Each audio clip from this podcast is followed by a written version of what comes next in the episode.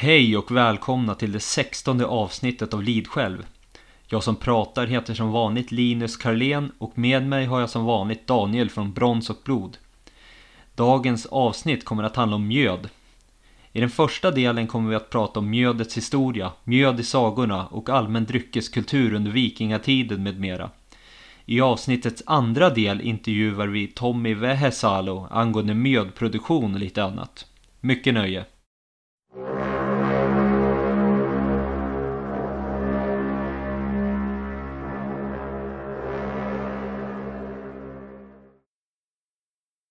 Hej hej Daniel och välkommen tillbaks efter sommaruppehållet. Tack så mycket, tack så mycket. Ja, man sitter här och äh, njuter i värmen med lite mjöd faktiskt. Vilket otroligt sammanträffande. Ja, det är helt sjukt. Eftersom eh, avsnittet idag kommer handla om just mjöd. Just det. Hur smakar det? Ja, det smakar jättebra. Det är äh, en dansk äh, mjöd som heter Valhalla. Mm, eh, okay. Men annars är ju min favorit, jag dricker en del mjöd faktiskt, jag har börjat med det. Um, mm. Min favorit är faktiskt en rysk mjöd som heter Medovarus. Okej, okay, jag tror jag vet vilken det är. Den finns att beställa på systemet, eller hur? Ja, precis. Nej, men det är, ja. Systemet i Svedala har den alltid hemma. Jag vet inte, det måste vara någon där som dricker mycket mjöd. Okej. Okay, Och inte bara jag. det är E-Types restaurang i Stockholm, Ifor heter den väl. De har ju en massa mjöd där som man kan ja, ja. pröva olika. Sen, jag har inte druckit så här våldsamt mycket mjöd, men jag hade en period när jag beställde mycket från Mjödhamnen. Ja, ja. De har ganska roliga, eh, de, man beställer ju och så in, varje sats eller vad jag ska säga är unik, den finns bara ett litet tag. Jag Aha. tror att det är så i alla fall. Och så, vad säger man, serie. Den finns bara ett litet tag. Typ med lingon och då står det på flaskan bara det här kommer från eh, Per Svenssons eh, gård i eh, Östergötland typ. Jaha, vad roligt. Det är verkligen hantverksbryggeri då från, ja. Eh, från biodling till jäsning och hela vägen. Mm. Mjöden borde ju ta en större plats i det svenska samhället generellt kan man ju tycka. Precis, verkligen. verkligen. Det, det är ju gott för det första. Ja.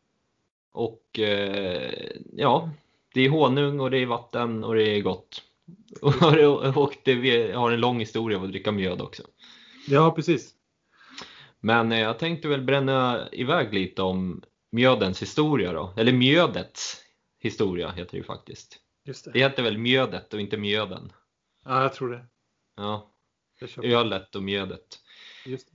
Eh, sannolikt har man ju då jäst dryck av olika frukter och bär redan under sten och bronsåldern. Men det finns inget säkert bevis för det här. Eh, men i Danmark har man påträffat ett kärl från bronsåldern som innehåller rester av jäst dryck från bland annat lingon och honung. Och det har man ju tolkat då som man eventuellt var något man drack. Just det. Eh, mjöd har funnits i nästan alla forna högkulturer och även i primitiva stamkulturer också. Eftersom eh, mjöd kan uppstå naturligt i naturen. Det kan uppstå i naturen det innehåller liksom gästen själv. Så att bara det kommer lite, bara det får stå så jäser det liksom av sig själv eller? Ja, men det är ju samma sak som när Emil super ner griseknoen. Det är väl gamla körsbär eller något som är ja, samma process. Just det, precis. Ja. Eh, det finns ju ett Youtube-klipp när apor och andra djur i Afrika äter så fermenterad frukt. Ja. Eh, klassiskt klipp. Precis. Det är den processen i alla fall. Ja, just det. Eh, mjöd ansågs vanligtvis vara gudarnas dryck och har funnits, ja det har jag redan läst då. Eh, mjöd är honungsvin och det var ju det vikingarna drack till stor del och det är även gudarnas dryck. I Rigveda, eh, som är skriven ungefär 1500 år före Kristus, så omnämns mjöd flera gånger. Även i samband med en offerrit som beskrivs lite grann där offrar man mjöd. Eh, ska vi se. Eh, man beskriver hur man offrar mjöd som en offergåva. Och det är precis som i Håkon den gode saga då du skänker rituellt, det, nej de stänker mjödet på ja. offergåvorna. Och det är då, i Håkon den gode saga då beskriver de hur de stänker rituellt blod över Harriet, templets väggar och folket. Ja, just det. Och och mjöd troligen då, eh, heligt för dåtidens indier och eh, de har ju indoeuropeiskt ursprung då, för länge, länge sedan. Precis. De, det, annars ja. så pratas det ju mest om soma i, Precis. i, i Rigveda. Mm. Och, men, men får jag kliva in här också? ja, Mjöd och soma nämns ju båda två. ja, precis. Men det är ju såklart har det ju tolkats som att det var ungefär samma sak. Ja, exakt. Man vet ju inte riktigt vad soma var för någonting. Men om man tittar på hur det beskrivs, liksom effekterna av det beskrivs, så är det ju att man känner sig eh, vad heter det, inspirerad och stärkt. Så det man har tolkat det som är att det kanske har varit en, en variant eller en vidareutveckling av mjöd. Mm. Som man alltså har eh, kryddat den då till exempel med efedra som är en sån här eh, växt som innehåller ett ämne som, är, som liknar eh, eh, amfetamin. Så man liksom blir väldigt uppickad utav detta. Men eh, det kan också vara så att man har haft i cannabis. Mhm. Okej. För det fanns Men- också, det vet man att det fanns eh, på, eh, alltså ute på steppen där. Och, eh, att det var känt liksom redan under stenåldern. Man har väl handlat med cannabis i princip alla tider? Ja, ja precis. Det var väl ull, hästar och cannabis som Mm. Mm. eh, indoeuropeerna liksom kunde handla med. Men att känna sig st- stärkt, det gör man ju även av alkohol Ja, precis. till viss del. Precis, ja exakt. Nej, så att, och jag menar, vi säger, eh, det här eh, skaldemjödet är ju kanske, det har man väl inte spekulerat i att det skulle vara något annat än, än mjöd man syftar på där. Nej, nej. Så, Eh, nej, precis. Jag tänkte att vi lägger upp det här avsnittet så att eh, vi kör första delen, då kör vi lite generellt historia. Andra delen kör vi mjödet i sagorna och så tredje delen det blir allmän dryckeskultur i, i forna tider. Då. just det. Jag skulle egentligen nämnt det i början men ja ja. Men eh, jag fortsätter här då. Ja. Enligt den grekiska sofisten Alkifron använde kurtisanerna, det vill säga nå- någon form av högstående tempelprostituerade. Eh, De använde mjöd i samband med att de offrade till Afrodite för att få en god fångst av älskare. Just det. Och- Får jag bara frå- fråga där, liksom, eh, det intressanta där är ju att det är inte vin utan det är mjöd. För om man tittar på det eh, i Iliaden till exempel så är det ju i Grekland så har ju vinet har ju ersatt mjödet. Så Mm.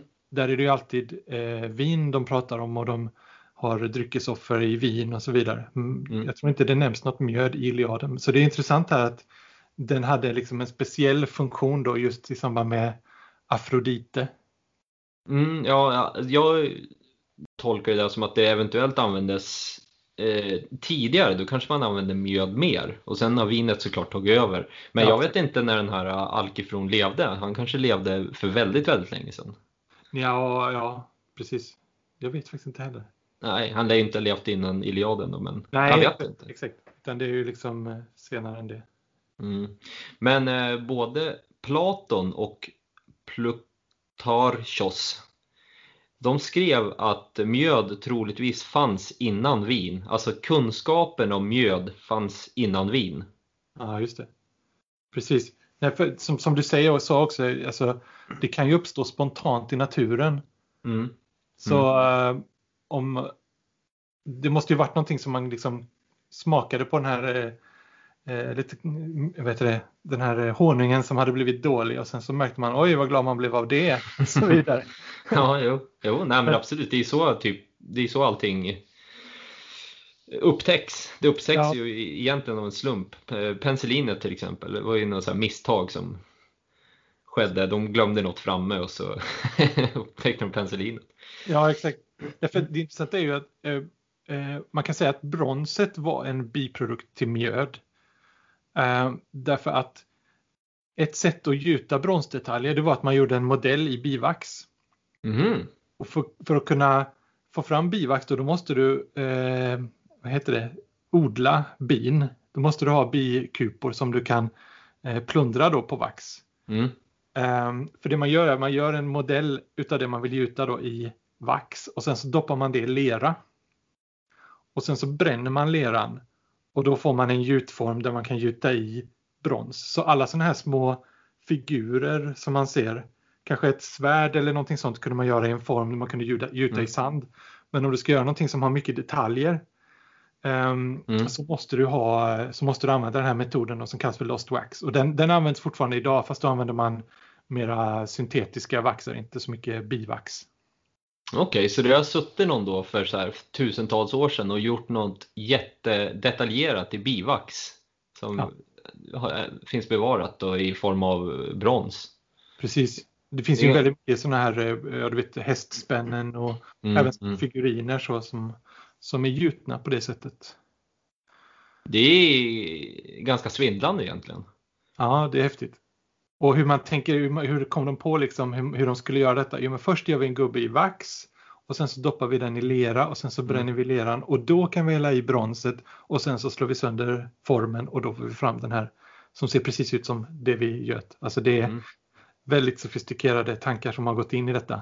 Mm, mm, mm. Eller så bara tappar de den, den i lera. Nej, det är inte någon som har funderat här. Det är inte som att man hittar liksom färdigt mjöd i naturen. Ja, ja. Okej, men ehm, och Saxo Grammaticus, det är väl någon som du har grävt ner lite i sista tiden här? Ja, precis, verkligen. Jag håller på eh, detaljläser hans eh, eh, Gesta Danorum. Mm. Han eh, skrivit någonstans i alla fall att slaverna vid Rügen, det ligger väl i östra Tyskland idag va? Ja, precis. Det är nordspetsen kan man säga på Tyskland. Ja, precis. Eh, De använde mjöd eh, vid sina ritualer vid dyrkandet av guden Svantevit. Just det. Jag har faktiskt varit där, där det templet stod. Mm. Eh, det är på Arkona heter det. Ehm, det är, man känner igen det från väderleksrapporten kanske. Så säger de Arkona och det är alltså nordspetsen på ryggen, eh, den allra nordligaste punkten i Tyskland. Ehm, Mm. Där var det ett tempel då som eh, var väl han, eh, han som var upp, uppdragsgivare till Saxo Grammaticus som beordrade att man skulle riva det. Mhm, Okej, men som jag förstått den här Svantevit, han hade en tjänare som var han hade liksom en eh, gode eller präst eller vad man ska säga som eh, var, han hade inte ett, han hade ju också ett följe men han hade en person som liksom representerade han här Aha, i, i vår värld. Så det var bara ja. en som var hans kille så att säga. Ja, okej. Jag har hört det någonstans, jag vet inte om det är sant men eh, Nej, men jag tror mycket av det här finns, det kommer från eh, Saxo Grammaticus. Det är de sista kapitlen eh, som ju är, vad ska man säga, det är sånt som nästan Saxo själv har varit med och, upplevt. För det här var ju på 1100-talet som de eh, rev det templet och mm. Och just den delen av Europa var ju, kristnades ju väldigt sent. ja, precis. Jaha. En eh, grej som tyder på att det kan ha funnits mycket eh, mjöd för länge sedan, alltså för bronsåldern och ännu tidigare, det är ju det att mäng- mängden bin och blommor kontra människor blir ju ständigt mindre. Ja, just det. För att när det levde väldigt få personer, då fanns det ju väldigt många bin och väldigt mycket blommor. Ja, just det. Och nu är det ju väldigt mycket asfalt och väldigt mycket människor då. Ja, precis. Det är ju den här eh, spontana eh, döden också bland bin. Där hela samhällen dör ut. Mm, mm. Men det är väl ett ganska modernt fenomen. Det, man tror väl att det har med eh, bekämpningsmedel och sånt att göra. Vet, Det ja, finns ju massa teorier. Det är ju att det ska ha med så här 4G-nät och alla möjliga. Jag, Ja. jag har inte grävt in med, ner mig i det här alls faktiskt. Jag kan, vet ingenting. ja, Eh, Det äldsta spåret av jäst dryck av honung, det kommer från Kina, ungefär 7000 år före Kristus. Och det äldsta troliga mjödfyndet i Norden är från omkring 1500 år före Kristus och det upptäcktes i näverspann som begravts tillsammans med en kvinna. Det ska ha innehållit vetekorn, tranbär, tranbär eller lingon, pors och stora mängder lindpollen, vilket tyder på att det har innehållit honung. Just det. Därför det är ju, eh, mjöd behöver ju inte bara vara honung och, och man kanske till och med använt kornmalt eh, i det här så att det var någon slags korsvariant av öl och mjöd. Mm, mm. Och sen är det klart man hade i allt möjligt av frukt och kåda och annat för att smaksätta. Så att, Ja, alltså du kan ju slänga in eh, vilket bär som helst. Lingon, eh, blåbär kanske och allt möjligt ju. precis. Och få lite smak på det. Och sen så får man inte glömma att klimatet under bronsåldern i Sverige var ju så varmt att det faktiskt växte vin här. Så att de mm. kan ju ha haft det också i, men det är inte i den här, eh, där har, här har de ju varit så pass, alltså grejen var det de, när de grävde ut många av de här bronsåldershögarna så hittade de spannar med eh, intorkad vätska i som de liksom diskade ur för att ställa ut. Mm. det, var, det var andra tider. Ja, precis. Nej, men nu har jag sett var någon som eh, hade lyckats göra bröd på gäst som, som man hade tagit från eh, en egyptisk grav. Alltså ett, eh, ett sånt här eh, brödbakningsfat som, hade, som man hade hittat då. Som man sen lyckades då återuppliva gästsporerna som fanns mm. där. Så kunde man mm. baka bröd på det då med eh, traditionella metoder. Det såg faktiskt väldigt fint ut. Oj då. Häftigt. Ja. ja. Eh, man drack väldigt mycket mjöd i Europa under medeltiden. Bland annat i München och bland annat var München och Riga kända för sina mjödproduktioner. I Meissen i Sachsen användes mjöd för att släcka en eld under 1000-talet efter... eftersom man saknade nog med vatten. I Eger i Böhmen eh, fanns hela 13 mjödhus på 1400-talet. Sen då kan man ju, eller det kanske vi kommer till lite sen, va? vad som hände egentligen, vad, vad nedgången berodde på sådär. Men ja, eh, tyvärr finns inga mjödrecept bevarade från vikingatiden. Det äldsta receptet på mjöd härstammar från 14 och 1500-talen. Vid Gustav Vasas hov ska mjöd ha varit vanligt förekommande. Eh, man man ser ju, det är ju ett litet missförstånd. Mjöd är ju honungsvin och det är ju, det är ju samma egenskaper som vin. Men när du ser gamla tavlor på vikingar som de är ritade under national nationalromantiska tider och så här, då har de oftast att det skummar om hornen. Ja, ja.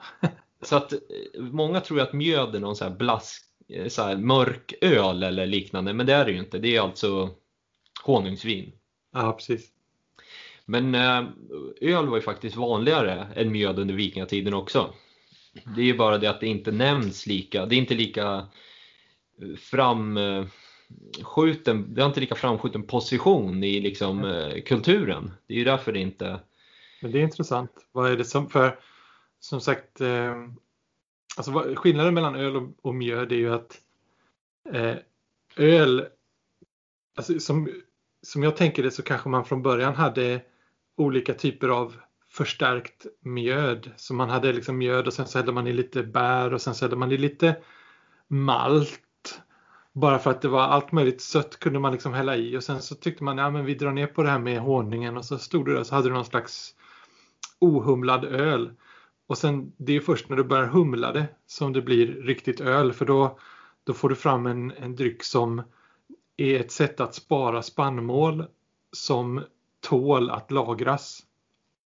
Okej. Okay. Men... Eh, eh, det var liksom ett sätt att bevara spannmålet. Så man liksom, du fick ju i dig näringen ifrån det genom att dricka ölet istället för att äta det som bröd eller gröt. Mm. Ja men det är ju mycket kalorier i öl. Jag tror att eh, under stora nordiska kriget så fick, det finns vad var, karolinska soldaterna fick varje dag. Det var typ lite öl och smör eller fläsk och sånt där. Så de drack ju öl där också för att ja, det innehåller ju liksom Du kan ju stå det lite på öl helt enkelt. Ja, ja. Nej, men det finns väl många vet du, uteliggare som har levt många år bara på öl. ja, alltså du ser ju väldigt stor skillnad på en som lever på öl och en som lever på tjack. Ja, ja precis. ja. Men eh, det som hände då i alla fall, eh, vi kan ju fortsätta lite på ölen också i alla fall. Det som, eh, varje gård som jag förstått det, eller större gård i alla fall, de hade ju ölproduktion och det var kvinnorna som hade hand om den. Just det.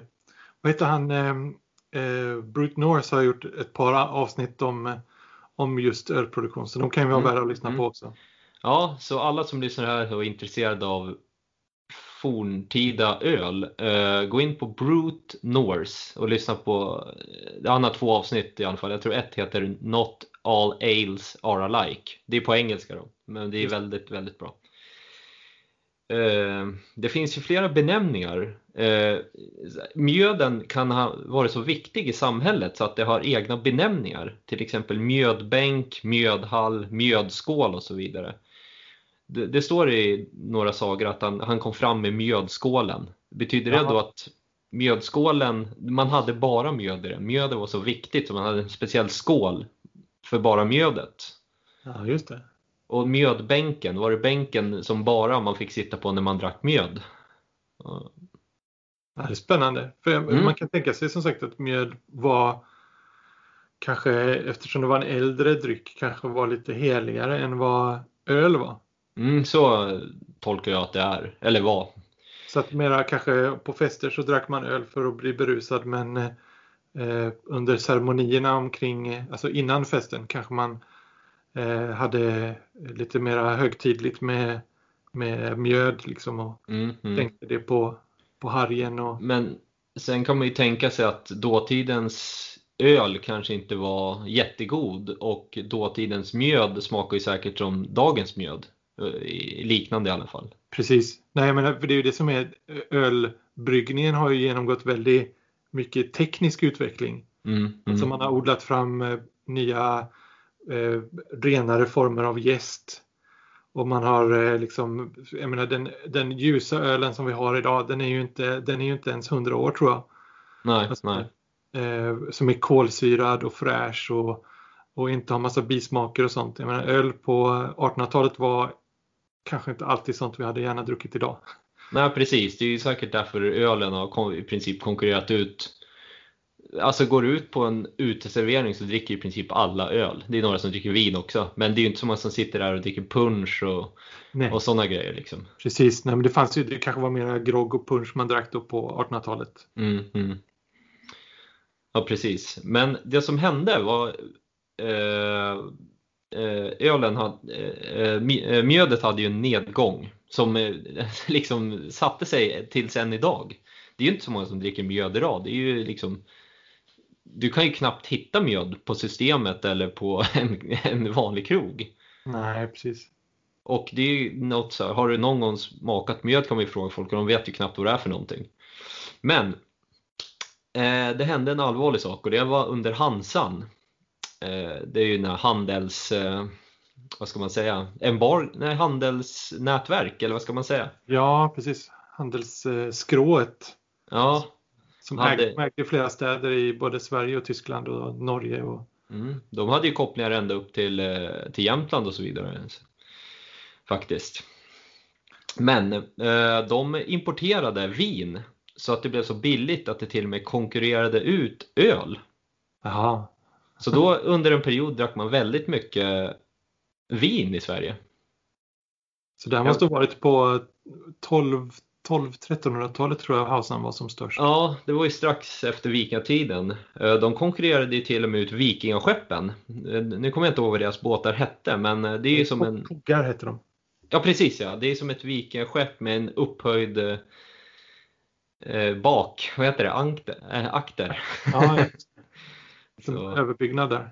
mm, så om, det, om det går, det finns ett eh, något sjö, sjöfartsmuseum i Stockholm så ser man utvecklingen med alla båtar och då är det vikingaskeppet, långskeppet och sen efter den är det den här eh, Hansans, vad sa du, flogg? Kogg. Kogg ja, precis Kogg. Eh, så det, det är steget där. Ja, just det. Eh, under 1700-talet var mjöd väldigt bortglömt i Sverige. Och eh, Carl von Linné har skrivit, han skrev följande under sin eh, skånska resa. Mjöd var våra förfäders drick, som så alldeles kommit i vanpris. Sedan vinet hos oss blivit allmänt att knappt en eller annan i Sverige vet numera sättet till dess förfärdigande ehuru ditt lik visst rensar vätskorna i kroppen och icke gör tiondelen så mycket skada som det utländska vinet. Ja, Det är riktigt tungt det där citatet. ja precis. Nej, men jag menar, man pratar mycket nu om eh, vad hälsosamt det är med honung. Mm, mm. Lite av det borde finnas kvar i, i, eh, i mjödet. Ja, jo men det är absolut. Alltså honung är ju svingott att äta bara som det är. Mm. Och man känner ju att det är Det är ju inga liksom, kemikalier i, äter du riktig honung så är det ju bara, det är bara honung. Precis. Nej, också att det har såna här eh, sårläkande effekter. Alltså om, om du får ett sår så kan du smeta honung på. Mm. Och det är liksom i stort sett enda sättet att få ett sår att läka snabbare. Och det fungerar verkligen. Man använder Okej. det i... Visst, i visste du att... Men snackar du nu om man strör på honung eller om man äter honung? När man strör det på såret. Okej, jaha. Eh, små barn, får, alltså spädbarn, får inte äta honung. Nej. Nej, det är någon, eh, någonting de inte kan bryta ner så det blir typ, de blir lite förgiftade. Aha. Ja, det är väl sån här, eh, vad heter det, Ehm, fruktsocker. Ja, jag, jag ja det, det är något speciellt för just honung. De kan ju äta andra typer av frukter och, Ja, ja. och sådär. Jag vet, jag kommer inte ihåg. Eh, Jag, jag vet det eftersom jag har två barn. Ja det. jag visste det inte innan. Så. Men eh, ska vi fortsätta med lite citat? Eh, jag kan börja med Skottland. Mjölkdrickare är lika stark, eh, mjöddrickare är lika starka som köttätare.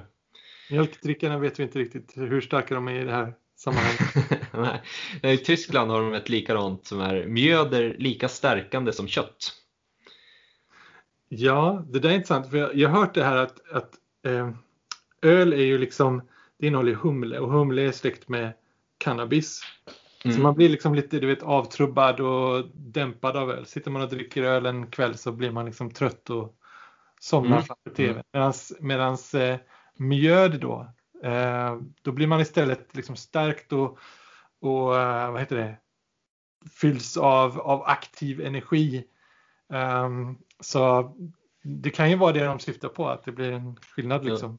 Jo, men om du dricker till exempel mousserande vin, det känner man ju också, man blir väldigt pigg och väldigt så här. äh, Det är ju inte som öl man dåsar Nej, efter. Precis, precis. Det, är, det är lite festligare liksom. Det blir Mm. det. Ja, men det som hände var i alla fall att Hansan eh, massimporterade vin som, så att vin konkurrerade ut allting. Men det var inte det enda. Eh, det var ju det att eh, hon, priset på honung blev för dyrt. Så att det var inte lönsamt att göra vin. Nu kommer jag inte ihåg det här korrekt, men alltså på den här tiden använde ju alla kyrkor och kloster och allting använde ju bivaxljus och sånt. Så de köpte ju in all Ja. bivax.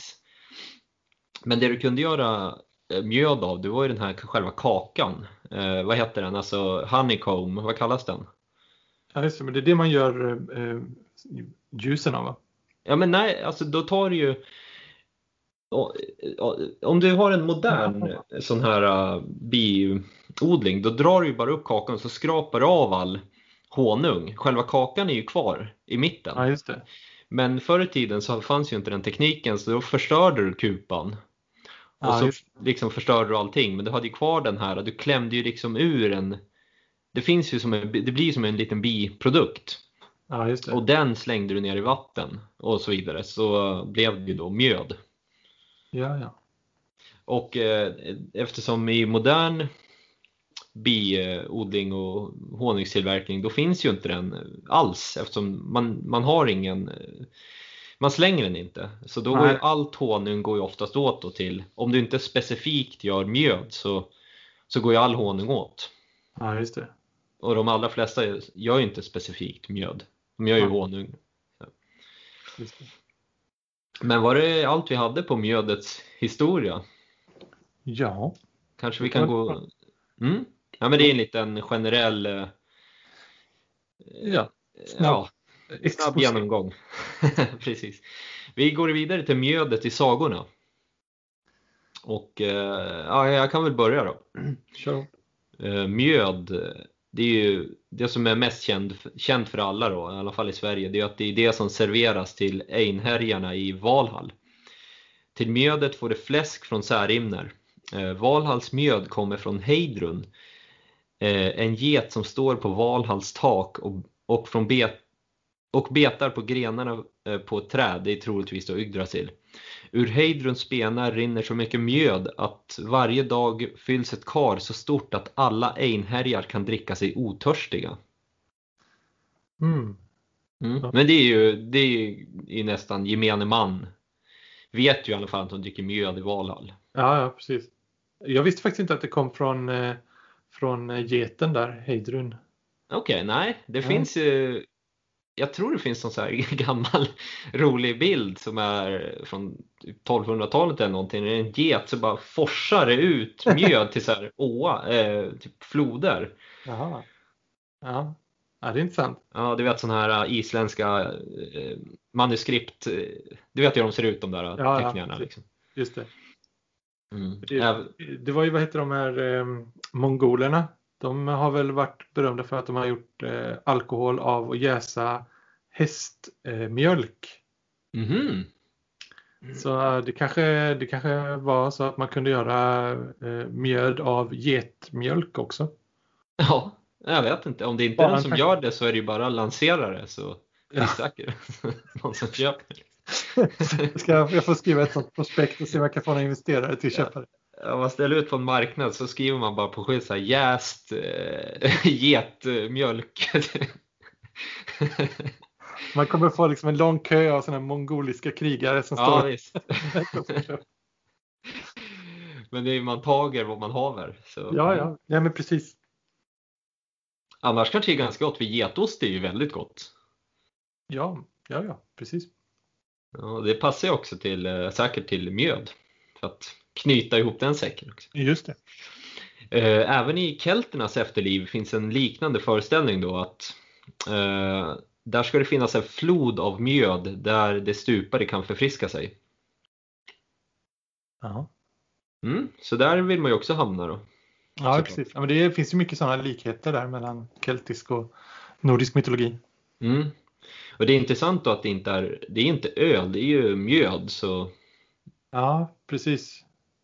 Men det är lite som, alltså Iliaden är ju skriven under järnåldern men ändå så pratar han hela tiden om eh, hjälmbronsskimrande akajer. Mm. Att det, det, han var mycket väl medveten om att detta utspelade sig under en bronsålder. På samma sätt så kanske i, i de här berättelserna är man väl medveten om att det utspelar sig under en mjödålder innan det mm. fanns öl. Det var liksom en lite mera ålderdomlig, eh, helig tid. Ja, jo precis. Alltså det, ja, det, det ger en annan känsla om att man vet att det är förhistoriskt. Precis. Eh, en annan känd saga det är ju Skaldemjödet. Just det. Så, mm, så jag tänker att jag eh, jag bränner av den helt enkelt. Den är ja. ju, det är ju en bit att läsa men eh, vi har all tid i världen. Ja. Skaldemjödet, eller suttungamjödet, skapades av de två onda dvärgarna Fjalar och Galar. De mördade tillsammans jätten Kvaser, eh, som bildats då asarna och vanerna spottat i samma skål, när han övernattade hos dem. eh, när han övernattade hos dem, ja det var lite konstigt. Det. Eh, dvärgarna lät sedan jättens blod, ja han mördade dem när han ja, övernattade. Så. Eh, eh, dvärgarna lät sedan jättens blod rinna ner i tre olika kärl. De tre kärlen hette Odörer, Boden och Zon. Eller Son. Sedan blandade de honung med blodet för att göra mjöd. Mjödet blev speciellt. Det, det som drack av det fick gåvan av skaldekonst, det vill säga diktkonst. Eh, dvärgarna bjöd senare hem ytterligare en jätte, Gilling, och hans hustru. De onda dvärgarna mördade makarna. Gilling mördades på en fisketur och hans hustru lite senare. Jätteparets son, Suttung, tog hämnd. hämnd. Han tog med sig dvärgarna ut på sjön för att dränka dem. De blev så rädda att de erbjöd jätten det dyrbara skaldemjödet ifall de fick leva. Dvärgarna fick leva och det tog Suttung till berget där mjöden bevarades.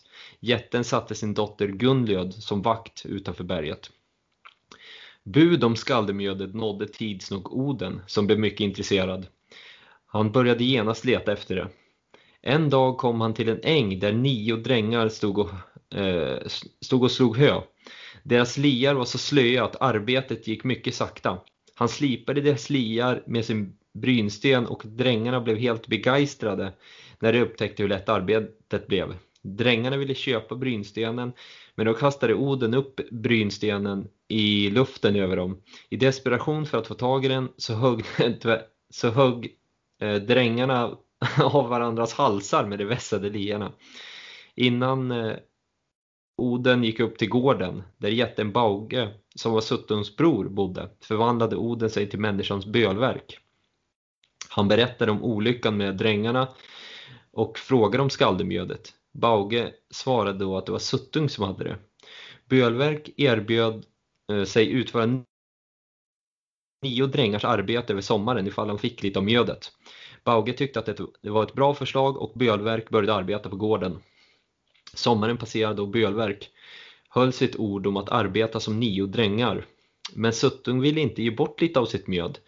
Bauge tyckte det var så synd om Bölverk så att han borrade ett hål genom bergsväggen där mjödet förvarades. Bölverk, eller då Oden, förvandlade sig till en smal orm och kröp in genom hålet.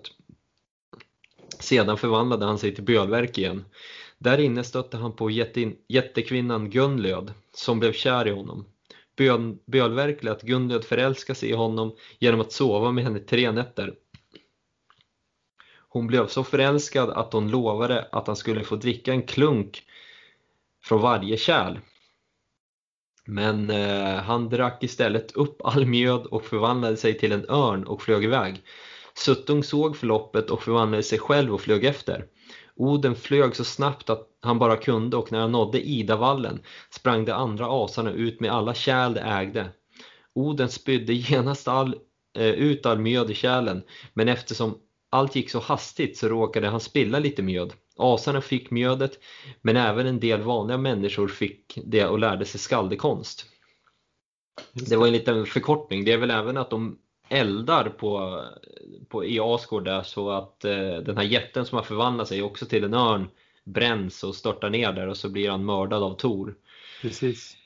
Sen tror jag även det är att när de, varför de spottar i samma kärl eh, om jag inte missminner mig så har det att göra med kriget mellan asar och vanerna, att de på något sätt gör fred genom att spotta i det här kärlet. Precis. Mm. Ja, det var en liten förkortning då. Ja, ja. Men mm. ja, öl, äh, mjöd nämns ju då i eh, även i Rigveda som vi har gått igenom. Men det förekommer även i Beowulf-kvädet som är då Storbritanniens nationalepos som utspelar sig troligtvis i Sverige. Just det. Ja. Där dricker mjöd i den danska kungen Hotgars mjödhall. Just det. Mm. Sen nämns det även i Yngliga sagan. Där är kung Fjöler som var en Svea-kung runt år 0. Han drack sig redlös på ett gästabud efter han lagt sig och behövt gå upp och kissa så gick han fel och föll ner i ett mjödkar och drunknade. Och jag har en teori där om ordet fjöla, att det kanske kommer därifrån. Ja, alltså jag, jag håller med faktiskt. det är ett ganska konstigt ord, fjöla. Alltså... Ja, precis. precis. Kanske, det kanske finns någon annan etymologi, men jag menar, det, det, är en, det är ingen dum förklaring tycker jag. Nej. Men det, det är intressant när du läste den här myten om eh, skaldemjödet, för det finns en, en eh, eh, myt eh, i nordisk mytologi som kanske en gång har handlat om mjöd men som inte längre handlar om mjöd. Det handlar om någonting annat. Mm. Um, och jag läste en bok som heter The War of the Gods av en man som heter Jarich Osten. Och eh, han ägnar ett kapitel där åt en gemensam indoeuropeisk myt som han kallar för eh, mjödets cykel. Och även Shorty Musila har, har analyserat detta tidigare. Men eh, en del av den här myten, det är fyra olika myter då. Men en del av den här myten eh, går ungefär så här. Eh, det är nämligen så att gudarnas mjöd har blivit stulet av ett monster. Och detta monster han har gömt eh, mjödet under marken. Men då klär en av gudarna ut sig till en fågel och flyger över och får då syn på mjödet där under marken. Och han pratar då med monstret och försöker få monstret att lämna ifrån sig mjödet. Men då säger det här monstret att eh, jag kan byta det här mjödet om, om jag får gifta mig med den vackraste av gudinnorna. Och eh, det här blir givetvis ett problem därför att gudarna behöver mjödet men den vackraste gudinnan då, eh, hon vägrar gifta sig med ett monster. Så frågan är vad gör man då? Jo, då tar man den starkaste av gudarna och så klär man ut honom till kvinna och skickar ner honom till monstret så han ska låtsas gifta sig då. Men på bröllopet så dödar han monstret, återtar mjödet och åker hem. Mm. Känner du igen den, den myten? Jag känner igen eh, tre myter i det där. Det är först är det skaldemjödet. Sen är det ju eh, när de tar, vad heter den, Brisingamen, när eh, Frejas smycke som hon blir av med. Just det. Jag tänkte faktiskt på eh, när Tors hammare blir stulen. Ja men det är ju den tredje och sista. Just det. Så det är tre för de, de blir av med Nej, är det inte när de skär äpplena eh, så måste de gifta Det är den jag tänker på förresten. Ja, just det. Eh, Iduns äpplen. Just det. Där är ju grejen att de blir gamla. Liksom. Men, Men, eh, mm. men då är det inte någon... Nej! Det här med brisingamen, då för att få det här smycket då tvingas ju Freja ligga med de här eh, dvärgarna va? Uh, Är det inte så? Nej, hon får... Ja, vänta lite. Det är inte en av de här gåvorna som de gör i den här tävlingen då? Jag kommer inte ihåg, men det är ju vid något tillfälle hon tvingas eh, ligga med, med Ja, dvärgar. precis. Ja, jag kommer inte ihåg, men det är ju lite, det var ju lite tre myter, kanske till och med fyra myter kunde man koppla till den där. Ja, precis. Nej, men det, det, det är intressant att det liksom eh, det finns den här, den här myten finns i Rigveda och i, i keltisk mytologi. Eh, men eh, i Norden då så är det inte mjödet som har blivit stulet eller såman som har blivit stulen utan det är, det är ha, Tors hammare som har blivit stulet.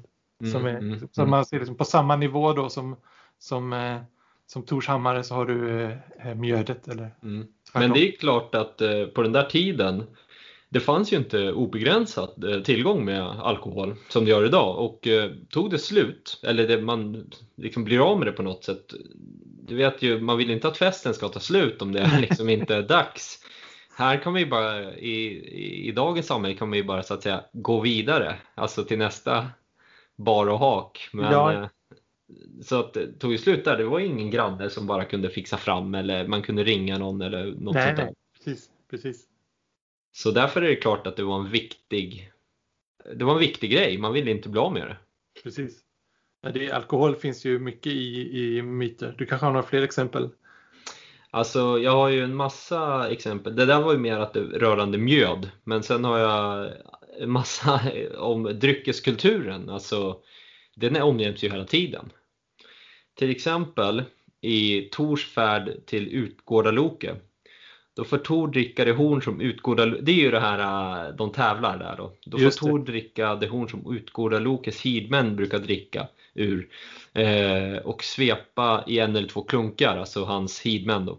Just det. Eh, hornet som Tor drack eh, han lyckas ju inte svepa det här hornet men eh, det var för att det var ett magiskt horn och i andra spetsen fanns världshavet. Just det. Men, det, men eh, det hade, nivån hade sjunkit faktiskt efter han hade druckit för så my- mycket hade han då druckit. Och det tolkar jag som att det ansågs ju då häftigt att kunna dricka mycket. eh, Ja, ja. Red, redan då. Redan då, precis. Precis som vi nu. Ja, precis. Sen är det även i Loketrätan. Då eh, har ju Ägir fest och alla asarna är där och Loke kommer dit och ballar ur på alkohol som jag tolkar det. Det står inte uttryckligen, tror jag, att han eh, dricker sig och liksom spårar ur men eh, det är ju, han blir så otrevlig och blir utslängd och sådär. Ja, så det, det är Men- en, en det- europeisk arketyp. Ja, men det är intressant för att det, den är inte bara europeisk, den, den är indoeuropeisk för att den här är en del av den här mjödcykeln. Mm, Så mm. den första delen är, motsvarar då i, i Norden utav Hymiskvida när Tor och Tyr hämtar kitteln. Okej. Ja, just ja. Mm. Och den andra delen är när Loke kommer till banketten och straffas av dem och det är ju då eh, Loketrätan. Mm. Och sen tredje är det här med Tors hammare som har blivit stulen och den fjärde är eh, Trymskvida när Tor dödar Trym och de andra jättarna. Så att den där, jag menar, hela det här handlar om, om mjöd. Så Mm. du, kanske, du kanske har helt rätt där i att det, det här är liksom eh, eh, vad ska man säga, monstret som bor i mjödet som kommer och förstör Mm. festen. Ja, alltså, ja precis. Men eh, han är ganska rolig där när han förolämpar alla. Är, han, han gör det med klass. Precis. Så Men han blir ju, han typ död, till och med dödar en tjänare tror jag i, i samband med det där. Och jag menar alkohol och, och slagsmål och sådär, det är ju det är inte så långt ifrån varandra. Nej, precis. Och eh, alkohol generellt, dryckeskultur, eh, nämns ju i Den höge sång eh, av Oden själv. Till och med han uppmanar ju då människor att dricka med måtta. I Den höge sång i Odens samtal med Lodfavner. Och Lodfavner symboliserar ju människan.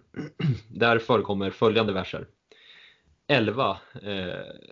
Eh, bättre börda man bär ej på vägen en mycket mannavett. Sämre vägkost men ej släpar över fältet är övermått av öl, utav öl. Just det. Och den som kommer efter där. Ej är så gott som gott man säger. Öl är människans ett, ty mindre än man ju mera han dricker vet till sig vad tankar han har. Just det. Man tappar omdömet när man dricker. Ja, det gör man. Och eh, den här sektionen av Den höge sång är ju mycket eh, regler hur man ska bete sig på en fest. Det, du ska inte ta för dig för mycket, du ska inte du ska sätta dig på din plats och du vet, det är både hur gästen ska agera och hur den som eh, ja, den som styr Ursäkta? Den som håller festen. Ja, precis. Så att, eh, och det är ju mycket av det där är ju, det är ju alldeles för basic för oss för att man liksom inte ska komma dit och bete sig hur som helst men eh, det är ändå ganska häpnadsväckande eller ballt på något sätt att de har regler från gudarna hur du ska bete dig på en fest för tusen mm. år sedan eller tusentals år sedan till och med. Precis. Ja. Så jag kan tänka, alltså alkohol var ju en stor del av, av samhället. Ja, ja, och jag menar, tänk på den tiden, det här är vi skrivit för också, ska vi kalla det för furstar, unga furstar, hur de ska kunna bli framgångsrika, eh, kanske till och med kungar senare i livet. Mm, mm. Uh, och då gäller det ju liksom att du ska, du ska kunna dricka öl på en fest men du får inte dricka för mycket för om du dricker för mycket så kan du skaffa dig ovänner. Och mm. det, är liksom, det är väldigt bra råd på det sättet. Ja. Uh, för att om man inte dricker alkohol då missar man festen och då, då kan man inte knyta de kontakter som kanske behövs senare i livet. Så är det ju lite i, om du är typ i 20-årsåldern idag också. Jag menar, om du inte dricker alkohol. Eh, eller det kanske är lite annat nu. Jag är ju, det var ju 15 år sedan jag var 20 men då drack ju alla i, alla fall. Ja, nej men alltså jag vet inte heller som sagt hur det är nu. Nu är det väl mycket, eh, jag vet inte, karikatyren när man ser är väl att eh, man sitter hemma och spelar tv-spel istället. Ja, eller typ tränar väldigt mycket och lever sig hälsosamt. Det kanske man inte kan säga mm. någonting om. nej, nej, men det var inte lika utbrett eh, ja, för 10-15 år sedan. Det var inte alls nej, lika precis. många som tränade och lika många som åt hälsosamt. Och det var ju mer accepterat och, och supa helt enkelt. precis. precis. Mm. Men det, är ju inte bara, alltså drickandet är ju inte bara, det är inte bara ett festtillfälle, det är inte bara det. Det är ju såklart det också. Men det är även rituellt. Eh, jag kan läsa ett stycke här ur eh, Håkon den godes saga. Eh, när de skålar för gudarna. Det är kapitel 5, 14. Väldigt bra kapitel. Mm. Beskriver lite om blot och sådär. Eldar skulle brinna mitt på golvet i templet och eh, kittlar hängas däröver. Man skulle bära bägarna runt omkring elden men den som gjorde gästabudet och var hövding skulle signa bägaren och all offermaten, först Odens bägare. Sedan skulle man dricka för seger och makt åt sin konung. Sedan Njords bägare och Frös bägare för god årsväxt och fred. Många eh, plägade på den tiden att därnäst dricka Brages bägare. Man drack också skålar för sina högsatta fränder, det kallades minnesskålar. Och det här har jag sagt förut i podden, kanske till och med två gånger, men det, jag kan, det tåls att nämnas igen. Att på vikingatiden, då var en, man skålade inte med vem som helst och du skålade för viktiga saker. Just det. Mm. Eh, jag kan ju nämna eh, eh, vad en brageskål är för någonting. Det, Ja. ju, det finns ju kvar lite det fenomenet faktiskt, eh, det här bragdskål. Alltså det finns kvar att jag, känner, jag känner i alla fall igen ordet. Ja. Det kanske du också gör eller? ja, jag vet inte. Du menar att du har sett eller? Nej, jag har hört, jag känner igen, jag känner Ja. till ordet så jag vet inte riktigt varför. Eh, I alla fall en brageskål, det är att man utlovar stordåd och det associeras med ordet bragd. Det är ju då ett stordåd egentligen. Eh, Man utlovar en kommande bedrift och för att förkunna det, man förkunnar det, i form av en brageskål. Det vill säga att man, eh, man skålade inför folk att man skulle utföra en bedrift, man skulle göra någonting. Det är som ett, ungefär som ett nyårslöfte. Du, Ja, just det. du skålar inför folk och det är liksom en, eh, du ska hålla det. Du ska hålla det du skålar för. Det är inte en vanlig skål, utan det Nej. är en speciell skål. Men det, där, det var intressant du sa det faktiskt med nyårslöftena som man ju kan man säga gör i samband med nyårsskålen. Mm. Ja men det gör man ju. Alltså, det är ju de, de är ju såklart kopplade. Jaha, ja, Och jag kan ju nämna här också då att Brage, eh, han är ju en asagud, eh, han är en skaldegud och det är berusning som väcker hans skaparanda. ja, ja. Han blev även hånad av Loke i, i den, på den där festen som vi nämnde tidigare, att han är typ mesig eller så- sånt där. Och jag menar, i ett sånt här samhälle att vara en skald kanske, ja det är ju lite mesigt om de andra är krigare och, och sådär kanske. Ja, ja, jag vet inte. Jag tror att eh, om man tittar på, eh, vad heter de här, eh, ja vad den heter, Starkader som vi har pratat om förut. Mm. Han får ju gåvan, alltså utöver då att han är jättestor och jättestark och ehm, att han ska leva tre, som tre, tre, tre gånger så länge som en vanlig man så får han ju även då skaldgåvan. Ja, men han får ju även skaldegåvan. Brage har ju bara skaldegåvan. Ja, ja, jo, jo, men jag menar att det var liksom inte någonting som, det var inte så att det var, du ansågs vara vek för att du eh, kunde skalda utan snarare var det kanske så att du var vek om du bara kunde skalda. Precis, det är det som är grejen. Att, eh, Ja.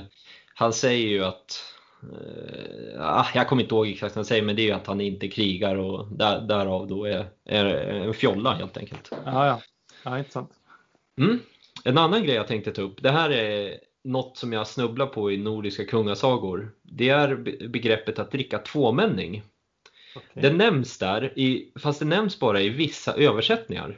Aha. Alltså det nämns, fast just, just det här ordet nämns bara i vissa översättningar. Det är därför jag liksom hajar till, för jag läste dricka tvåmänning och jag har aldrig någonsin hört talas om det tidigare. Nej. Har du? Nej, vad är det för någonting? Eh, jag kan läsa en bit här. Ynglingesagan eh, kapitel 37. Mhm. Eh, Hjovards giftermål. Det var sed bland konungar som suttit i sina länder eller på gästerbud som det lät att göra, att om kvällen när skålarna druckus skulle man dricka tillsammans två och två, man och kvinna, så långt antalet räckte, och därefter för sig själva som det blive över. Men vikingarnas lag var att de skulle dricka alla tillsammans, även när det var på gästabud. Hjovards högsäte var iordningställt mittemot kung Granmars och alla hans män sutto på bänken på samma sida.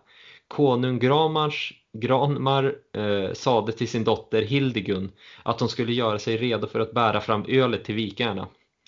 Hon var den fagraste bland kvinnor. Hon tog en silverbägare och fyllde den, steg fram mot Jovard och sade Hej alla ylvingar till Rolf Krakes minne. Drack så ur bägaren till hälften och räckte den åt kung Jovard. Han fattade bägaren och på samma gång hennes hand och bad att hon skulle komma och sitta hos honom. Hon svarade att det icke var vikingased att dricka tvåmänning med kvinnor. Eh, men Jovard genmälde att det var troligare att han skulle ändra sed, att han skulle ändra sed, övergiva vikingalagen och dricka tvåmän, tvemänning med henne. Då satte sig Hildegon hos honom och de druckit båda med varandra och talade mycket om kvällen. Och det här då, tvåmänning, det är att man häller upp ett horn eller ett stop eller en, en bägare och eh, sen delar man hälften. Jaha. Och det var en sed, att man gjorde det med någon som man stod nära, till exempel sin fru. Aha. och det var, är ju också en grej att du delar inte horn med, precis som att du inte skålar för en struntsak så delar du inte horn med någon liksom eh, som du inte står nära eller vem som helst. Du delar kanske med din fru. Vikingarna som var i samma vikingatåg, det var liksom enligt det här då vikingalagen att de skulle minsann dricka tillsammans. Eh, Ja. En samord. Så det fanns ju, ja precis, alltså det fanns en massa riktlinjer för hur du helt enkelt skulle bete dig. Just Det det. skulle, alltså det skulle säkert verka konstigt om du skålar för något så här. någon skitsak och sen smaka på min äh, liksom äh, bärs och så bara ger du inte någon främling. Det kanske skulle upp, uppfattas väldigt konstigt. Ja, precis. Äh, Så är det ju inte riktigt idag. Idag skålar man ju för precis allting. Utom Eh, på nyårsafton som du sa. Ja precis, då, då gäller det. I alla fall i första veckan av januari. Ja, ja. Då alla köper gymkort. Man har löst gymkortet. Sen, så, sen är det ja. Eh, En annan, en, ett annat begrepp som eh, fanns på vikingatiden, det kanske finns, fanns långt senare också, men det vet jag inte. Bortfärdsöl. Eh, Det var någonting man drack innan man skulle iväg på långfärd.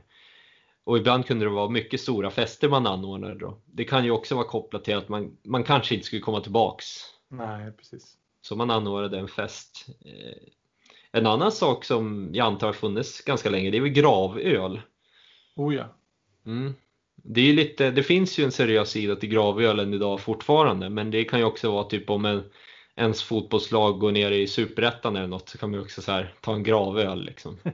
Ja, precis. I överförd bemärkelse. Ja, precis. Eh, nej men det var väl i princip allt jag hade. Har du något att tillägga? Nej, nej, men det här var en intressant eh, genomgång av mjöd och eh, eh, även som säga, dryckeskultur under Mm. vikingatiden. Sen finns det ju såklart jä- jättemycket en dryckeskultur i forna Grekland och romarriket och, och sådär, men det har jag helt enkelt ingen koll på. Nej. Jag, jag vill i alla fall eh, rekommendera alla som lyssnar här att läsa boken Skåla i mjöd av Robert Geire och Charlie Papazian. Eh, Den är väldigt bra. Mm. Väldigt mycket citat från olika forntida källor och ja, nej men den är väldigt bra. Okej. Men det är typ eh, historia och sådär. Ja, det är ungefär samma upplägg som vi har kört idag. Ja. Det är historia, det är ur sagorna och lite allmän, allmän kultur och så vidare. Sen är det en massa, jag har faktiskt bara läst eh, ungefär halva. Och eh, sen är det en massa recept på mjöd och, och sånt också. Ja, intressant. Men ja, det har inte, det har jag inte läst. Nej. Ja, jag brygger en del öl så eh, det hade varit intressant att pröva att göra mjöd faktiskt någon gång. Mm. Ja, men eh, det tycker jag du ska göra. Alltså, jag vet inte hur det ligger till nu med det här med gårdsförsäljning. Det har ju varit på tapeten ett tag att de ska tillåta viss gårdsförsäljning. Ja, just det. Jag vet inte alls hur det ligger till. Nej, det, det är väl inte ännu. Det finns ett, faktiskt ett vin, en vingård ganska nära här där vi bor. Eh, Som, Men säljer de vin då som... nej, de, de har, då har de en restaurang där man kan Ja, precis. äta mat och dricka deras vin till. Men- Precis, det är ju lite omständigt om man ska sälja det själv. Precis, jag tror att de till och med kanske måste köpa det från Systembolaget. Sitt eget eh, vin liksom. Ja, det skulle inte förvåna mig. Men vi kan ju be... Ja, ursäkta. Kosingen ska in som sagt. Ja, precis. Eh, vi kan ju i alla fall be lyssnarna stanna kvar till eh, sista delen av avsnittet. Då ska vi prata med en eh, mjödtillverkare. Någon som brygger mjöd och höra lite om hur det går till och lite tips och tricks och sådär kanske. Mm. Så stanna kvar så är vi tillbaka strax.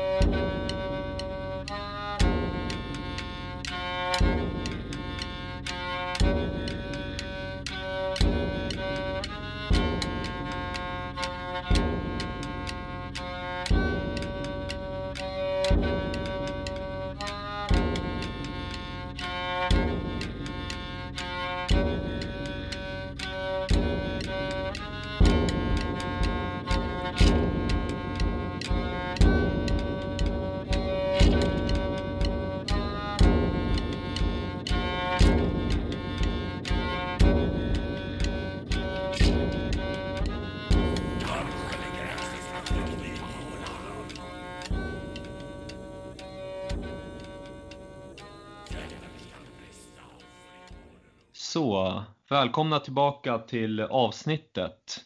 Eh, nu har vi med oss Tommy Vähäsalo och han är inbjuden här i egenskap av att han brygger sitt mjöd. Välkommen Tommy! Ja, men eh, stort eh, tack för att jag blev inbjuden till denna podcast. Mm. Eh, trevligt, trevligt. Du kan ju berätta lite om dig själv.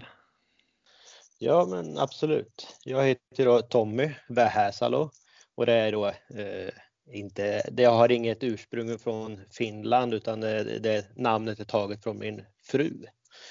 Det. Så att eh, det är där det kommer av. Det är så här att eh, själva mjödbryggarintresset det, det startade ju för ett gäng år sedan eh, i samband med att man jag blev lite involverad i den här vikingakulturen på ett eller annat sätt så att man snurrade in på den linjen eh, via att man träffade ganska många folk som eh, hållde på med, med mjöd och, och mjödbryggning och drack framförallt väldigt mycket mjöd. Så mm. därför kom man i, i kontakt med, med det på ett eller annat sätt i vikingakulturen. Får jag kliva in bara? Du har absolut, inte druckit mjöd, mjöd tidigare? Nej, eh, mitt eh, mjöddrickande började kanske för en, så här, en fem, fem, sex år sedan ungefär. Något sånt där. Så att, eh, det är som de, ganska...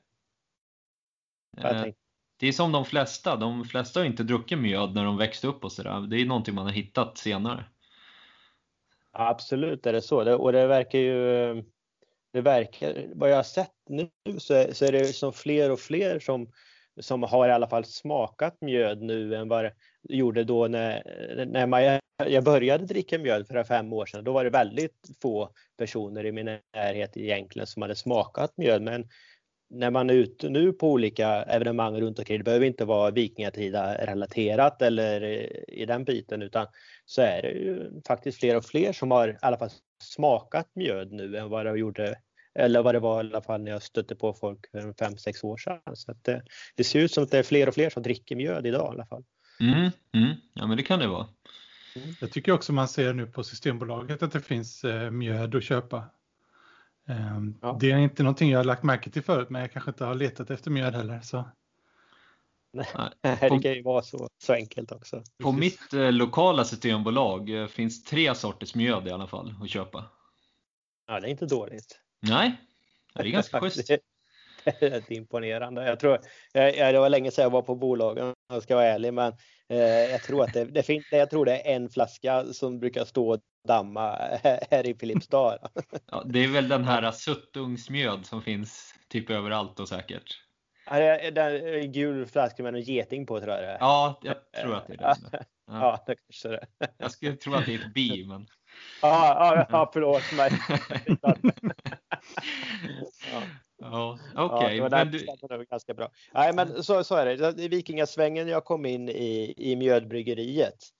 Och, eh, och det leder till det andra. Och, men som mjöddelen, själva bryggningen och det, där, det börjar väl lite mer eh, när jag kom in i i samfundet lite mer. Då är det nog eh, Nordiska asasamfundet då, som jag kom med in lite mer och blev lite mer involverad i och eh, då har vi då i våra ceremonier och sådär så, där, så eh, använder vi ju en hel del mjöd.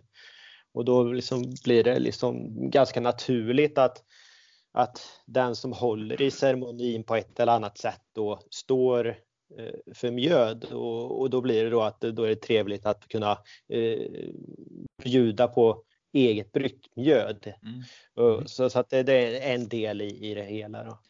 Eh, det finns en bok som heter Votans väg av Anders Nilsson och i den har han skrivit att just mjödbryggandet är en blotgåva i sig. Alltså tiden du lägger ner på att brygga mjödet, det är, det är blotgåvan.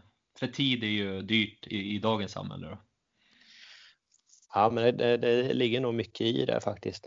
Man, man vill ju gärna känna en, en, liksom en stolthet när man presenterar sitt mjöd på ett eller annat sätt. Och, och just det att knyta det an till blotet som jag gör för det mesta nu med mjödet, det är ju, det är ju jättetrevligt. Mm, det, mm. Så är det. Så, så Men hur, hur tog du steget? Bara köpte du in en massa honung och en massa och typ en stor hink? Eller hur, hur gjorde du det? Ja, det, ju, det krävs ju, det, man behöver lite utrustning. Så, här, så att jag, man gjorde ju den enkla vägen att jag satt och, och helt enkelt och, och, sökte massa information på, på internet på olika sidor och man fick olika tips och sen så rätt som det var så eh, snurrade jag in på någon, någon, sida som brygger, där man kunde brygga och sålde eh, bryggutrustning för vin. Mm, mm. Och helt enkelt och då var det lite olika paketlösningar med utrustning. Då. Så att, eh, och då, då, då köpte jag ett, ett startpaket kan man säga med, med, med lite hinkar och storslev och lite sådana grejer. Och sen som du säger, där, så var det bara in på eh, matvarubutiken och, och, och sleva åt mig så mycket honung som gick att köpa. Och, och det var inget så att jag hade några det var ju liksom in och köpa det billigaste honungen jag hittade och sen eh, liksom den svängen. Så att, du köpte och, alltså småburkar honung? Alltså nej, vanlig honung så att säga? Ja precis, det stämmer. Mm. Så, att, okay. Eh, så det var, det var inget, inget speciellt, jag hade liksom inga eh, kunskap kring vad jag skulle ha för honung och hit och dit eller om, om det smakar olika. Jag tänkte liksom, honung som honung, det är bara att det kostar olika. Jag förstod liksom inte upplägg alls. Eh, nej, nej. Bara, bara, bara, jag behöver, det står att jag ska ha honung så att eh, jag kör på det. Så, så iväg och köpte det och sen eh, också då med det här paketet så ingick en hel del eh, recept på vin helt enkelt. Mm. Eh, men istället då för att helt enkelt byta ut eh, socker, sockret mot honung och, istället för, ja, i de här vinrecepten som var då för egen frukt då, som det var. Mm. Så att det, eh, det var ganska enkelt att byta ut socker mot honung och sen startar man där. Och det blir liksom väldigt enkelt. Man får allting i, en stor kartong ifrån det här företaget och, och, bara byta ut socker mot honung i princip och sen så körde man på det. Mm, men, och, alltså rent krast, har du bara vatten och honung eh, i en hink och så väntar du? Är det, är det så enkelt det går till? Eller? ja, det är ju så enkelt egentligen. Ja. Det, det är ju lite åt det hållet. Men sen så kan man ju med, med årens gång så blir det ju att man vill nörda ju sig in lite mer. Mm. Och man vill ju gärna ha eh, vissa saker i mjödet man vill ha det på visst sätt. Man kanske vill ha det lite sötare eller torrare. Man vill ha olika frukter eller örter eller växter i och då vill man ju att de ska framhävas samtidigt som man gärna vill ha en honungston för att det vore ju liksom slöseri att brygga eh, ett mjöd som inte har någon honungskaraktär, tycker jag. Mm. Det, det, det, tycker jag känns, känns, som en stor förlust. Utan man vill gärna ha den lite söta ifrån honungen och den liksom karaktären som den ger. Det, det kan du helt och hållet brygga bort. Eh, okay. Du kan ju jäsa ut det helt och hållet så du tappar all sötma och allt väldigt mycket från karaktären av honungen utan det blir bara som ett, som ett torrt eh, vad det nu är om du har äpplen eller päron eller hjortron eller vad det nu är så blir det bara det. Man vill ju gärna att allt som man tillför ner i behållaren som ska jäsa att man vill ha ut av allt det. Annars är det ju mm. liksom onödigt att lägga i det från början. Men så man får bara testa sig fram då eller? Absolut. Mm. Och det är ju det som är det, det, det som är roligt i det. Det är ju att testa för att det, det är ju, jag, för det första så är jag gör alltid 30 liters satser. Så att mm. det gör ju då att ibland blir det ju lite tokigt. Mm. Och då är det, det är tråkigt för att i, i en 30 liters sats så ungefär mellan 8 och eh, 13 kilo honung kanske jag använder någonting. Och ligger då honungspriset på en 150 spänn. Det är lite tråkigt om det bara blir fiasko av det. Så man, mm. Men eh, jag tycker det blir mycket bättre att göra så stora satser. Jag tycker det är lättare att kunna eh, få ut smaker bra och, och sådär. Men tipset när det blir dåligt, om man säger, man inte får ut det man vill ha från början, det är att låta det stå ett halvår, ett år. Okej. Då, då brukar det eh, ordna till sig ändå. För att det har hänt någon gång när jag har bryggt något hjortronmjöd då. Och då, då är det liksom också där, det är kanske, kanske inte fullt 13 kilo men det är kanske 10 kilo honung och sen kanske man har 7 kilo hjortron i. Mm. Och då blir det ju så tråkigt om allt bara blir skrot.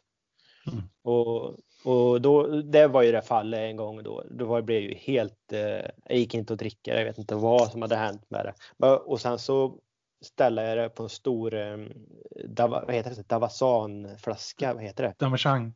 Ja, Davasan eh, flaska eh, Mhm. på så här 30 liter upp på vind och så låta det stå där ett halvår. Och sen så, ja, det blev ganska bra. Ja, men alltså hjortron, låt, hjortron är ju svingott ju, så jag menar. Ja. Ja, nej det blev succé. Den, du- eh, det, gick, det gick åt sen. Okej. Har du gjort med björnbär? Nej, jag har inte gjort det faktiskt. Jag, jag, brukar, jag vill ju gärna brygga och det jag har i närheten. Mm. Så att, eh, och jag bor ju eh, ganska avsides. Jag bor ute i skogen. Det är stora myrar och, och liksom lingonskog och blåbärsskog och, och lite sådär. Då. Så då, då blir det liksom att jag vill använda mig av det som finns runt omkring. Ja, men det är klart, slipper man ju liksom betala för det också om det bara går och Absolut. plockar. Nej, grejen jag undrar för att jag, det är jag har stor eh, björnbärsbuske på min tomt. Så Ja. jag kan plocka en massa björnbär hela tiden. Det är bara kö. Det är bara kö. Ja. Men absolut, men man kanske inte ska behöva börja med att köra med 30 liters satserna utan man kanske kan halvera det. Så då är det ju inte lika blodigt eh, Mm. varje gång. Luktar det någonting, produktionen? Lukta lite grann kan det ju göra, men jag tycker inte att det är ett problem. Okej. Nej. Eh, Men däremot så låter det ju väldigt mycket. Det det är, ju- det är ett väldigt bubblande hela tiden. Det är så blur, blur, blur, hela Okej. tiden. Är konstant under kanske två veckors tid, två, tre veckors tid medan det, det jäser ut. Mm. Eh, och det där, det, ja, det kan vara lite störande om man ska sova och så där, lägga barn och Ja. så Hur håller du barnen borta från det där då? Nej, det går ju inte. Det är det roligaste som finns. Ja. De står ju där och, och slår på det där locket och grejer. Vet du, och, ja, så, och då bubblar det ännu mer. Så att, Ja, ja. ja. Men, eh, men du jäser vid rumstemperatur då? Ja, precis. Jag försöker, jag försöker hålla hela, hela processen kring 20 grader. Där någonstans. Så att, det- men det är ju det. Har du kallare då kommer det ta längre tid. Har du varmare då kanske du går snabbare men då kanske du får en lite Jag vet inte vad jag får. Man kan- Men Man däremot kan få lite bismaker va? Om, om det jäser för mycket, man stressar gästen. Ja precis, det är lite så det kan bli kanske. Eh, Och då är därför, tycker jag runt mellan 18 och 20 grader och sånt där. eh, Det känns rätt så. Jag får, jag får ut det jag vill ha när jag kör det i den temperaturen helt enkelt. Ja, just det. Men um, tillsätter du jäst då eller har du liksom, kör du Mm. natur? Nej, jag kör inte na- natur. Jag, jag försökt någon gång med det där, men jag fattar inte riktigt mig på det där. Jag får det inte att bli bra. Och jag vet förmodligen inte riktigt hur man ska göra för att få det att bli bra. Men eh, jag kör ju vingäst som jag använder mig av. För det är jättestabilt och det blir, jag vet exakt varje gång hur det kommer att bli och hur den jäser och, och sådär. Och därför blir det, det blir enklare och enklare varje gång för jag vet exakt vad jag kommer att få ut. Eh, och det där är det som jag tycker är kul med en sak, att jag, jag skissar upp en plan först vad det är jag vill ha ut och sen så försöker jag skapa det. Det behöver inte vara världens godaste mjöl, men däremot så vill jag ha det jag vill ha. Om du Mm. förstår vad jag menar. Ja, ja. Mm. Ja. Ja, men jag använder ett vingäst i alla fall eh, och det använder jag av den anledningen till att jag eh, började lite där och jobbade med det länge och, och så har man liksom inte riktigt vågat släppa det. Sen Nej. finns det säkert jättemycket eh, bra mjödgäster som är liksom specifikt framtagna för det. Men det går lika bra att brygga på vanligt eh, jäst som du köper i matvarubutiken för, Ja, ja. för baka bröd med. Ja. Så, men gärna då söta, eh, för söta degar. brukar Ja. bara kombinationen med det där. Eh, många i vikingasvängen som jag känner bygger, brygger mjöd, de använder sig ofta av bakjäst. Mm. Gör de. Så att, eh, och det är ju liksom fullvärdiga mjöd. Det blir, liksom, det blir bra. Det. Så att det, det, är inte så att det, att, det blir, att det är någon låg budget bara för att man köper billig gäst och sådär utan men däremot så är det väl kanske mer att man kanske måste prova sig fram. Mm. Lite. Vad, är den, är väl... vad, är, vad är den viktigaste, liksom, om gästen, om man kan liksom använda i stort sett vilken gäst som helst, är det, är det viktigt med vilken honung man har då? Ja, men, ja, men det, det kan jag ju tycka det kan vara viktigt. Det, det är ju också det. Vad är det man vill ha ut av det? Är det har det mycket med färg att göra? Vilken färg man För det kommer ju att sätta mycket prägel på, på mjödet, hur det ser ut.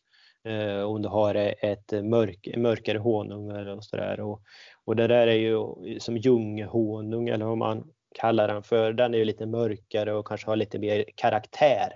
Ja, just det. Då kommer du då få mer smaker av det. Men även här då gäller det liksom att man använder sig av honung som kommer ifrån närheten där du bor. Det har ju med att göra att det har ju då mer anknytning till dig och din omgivning.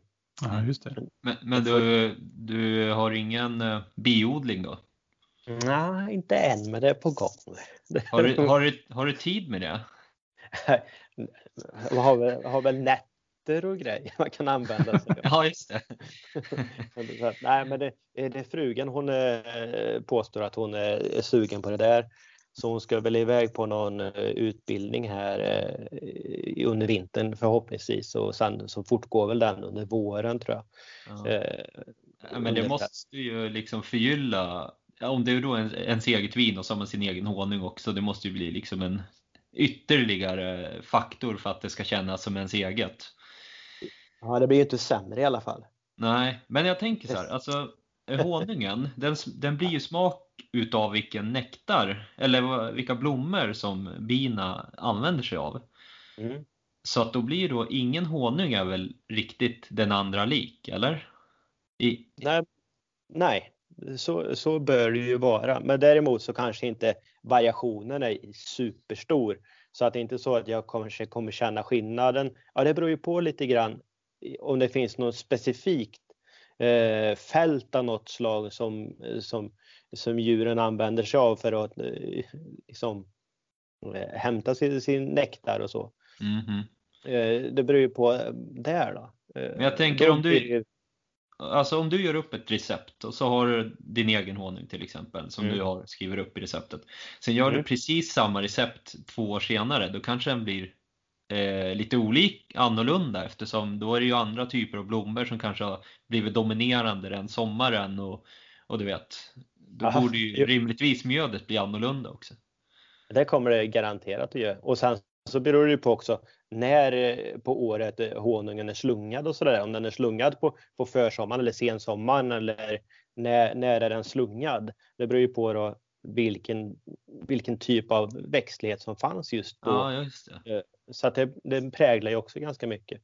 Och sen vad jag förstått lite grann så finns det ju lite man mäter ju då honungen så mäter man vattenhalter och, och såna här saker också i honungen och det gör ju också då eh, att det kommer bli skillnad eh, i smaker. Så att det, mm. det, är, det är lite, lite krux med det. Så det, det kommer alltid bli variationer. Du kan aldrig göra, liksom, göra lika hela tiden.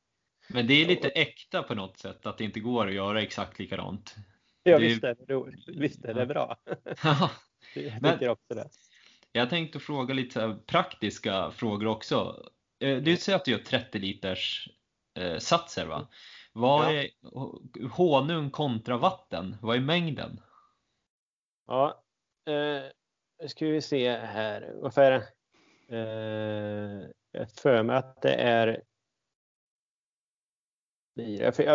det blir ju det är lite svårt för att man har ju i oftast ungefär en 10 kilo frukt också. Eh, äpple eller bär. Så att jag, jag, vet inte exakt. Jag brukar inte mäta upp exakt hur mycket vatten jag använder mig av utan jag brukar fylla upp så att jag kommer upp i ungefär en 26-27 liter totalt. Mm.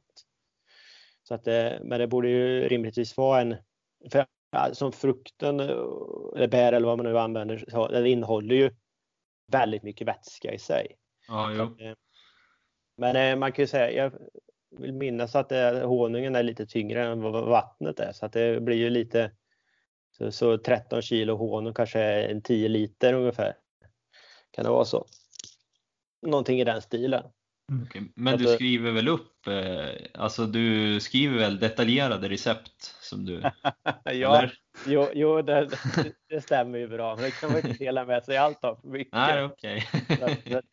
jag har inga, inga sådana anteckningar har jag med här nu, utan nu är det mer eh, hur, hur jag brukar göra och lite sådär. Ja, Okej, okay, generellt. Men, ja, men generellt, ja. Eh, hur, hur, ser man eh, alkoholen då, alltså styrkan? Jo, eh, det använder man sig av en, eh, på olika sätt. Har man hållit på ett tag så, så, vet man ungefär att lägger jag i så här mycket honung och det är så här mycket sockerhalt i honung och jag brukar få ett resultat som visar 15% till exempel när jag mm. har, har bryggt färdigt så, så vet man ju det till slut. Men vill man vara riktigt noga och så där så har man ju då en eh, som en vad heter det, jäsningsmätare eller vad man säger det använder man ju också sig av när man ska eh, för att titta hur det går med jäsningen. Eh, man mäter då sockerhalten i, i vätskan helt enkelt. Så, så, så för att veta om jag ska tillsätta mer honung eller, eller mindre än vad jag tänkt så, så mäter jag hela tiden eh, sockerhalten i vätskan då, innan jag startar själva processen för att veta att det är tillräckligt eh, sött helt enkelt. För att jag ska kunna få ut tillräckligt mycket alkohol mm. som jag vill ha. Och då mäter man ju då med en sticka som flyter helt enkelt i, i, i kärlet. Då. Och det mäter ju upp, det är en skala som går från minus 15 till eh, blir det, plus 120 då. Och när man startar då så kanske man ligger runt en, en sockerhalt på typ 110 något sånt där. Det brukar jag göra. Och sen jäser man ut det till noll ungefär. Eller strax, strax under noll, kanske plus två eller något sånt där. För att eh, jag vill inte ha det Jäser man ut det till noll till exempel, då blir det alldeles för eh, strävt och torrt. Mm. Så att jag vill ha kvar lite sötma då, så då vill man inte läsa, eh, jäsa ut det för hårt. Då. Och det, är, det är svårt att göra om man inte vet sockerhalten i, i brygden. Då. Och då måste man ju då mäta helt enkelt. Så hur, eh, hur, hur reglerar jo. du, hur kan du stoppa jäsningen eller? Absolut. Eh, men eh, tillbaks till det här med, med, hur man får ut alkoholhalten så, så är det ju startvärde plus slutvärde delat med 7,4 och så får man ut alkoholvärdet helt enkelt. Och det, det, låter mer komplicerat än vad det är. När man står och håller på med det så, så förstår man konceptet mycket Men, enklare. Så det finns ingen sån uppfinning man bara stoppar ner och så visar den exakt alkohol? Jo, eh, det, det finns eh, små mätglas man kan hälla upp eh, vätskan i. Mm. Som man eh, vänder upp och ner. För eh, det har med vad heter det, densiteten eh, i vätskan blir skiljer sig och sen bromsar den upp sig i det här mätglaset. Då, då kan man läsa av värdet. Och sen så tror jag det finns eh, olika mätglas. Eh, jag vet inte riktigt hur det funkar, men de fungerar på samma sätt som när man mäter glukolen som man häller i bil och grejer.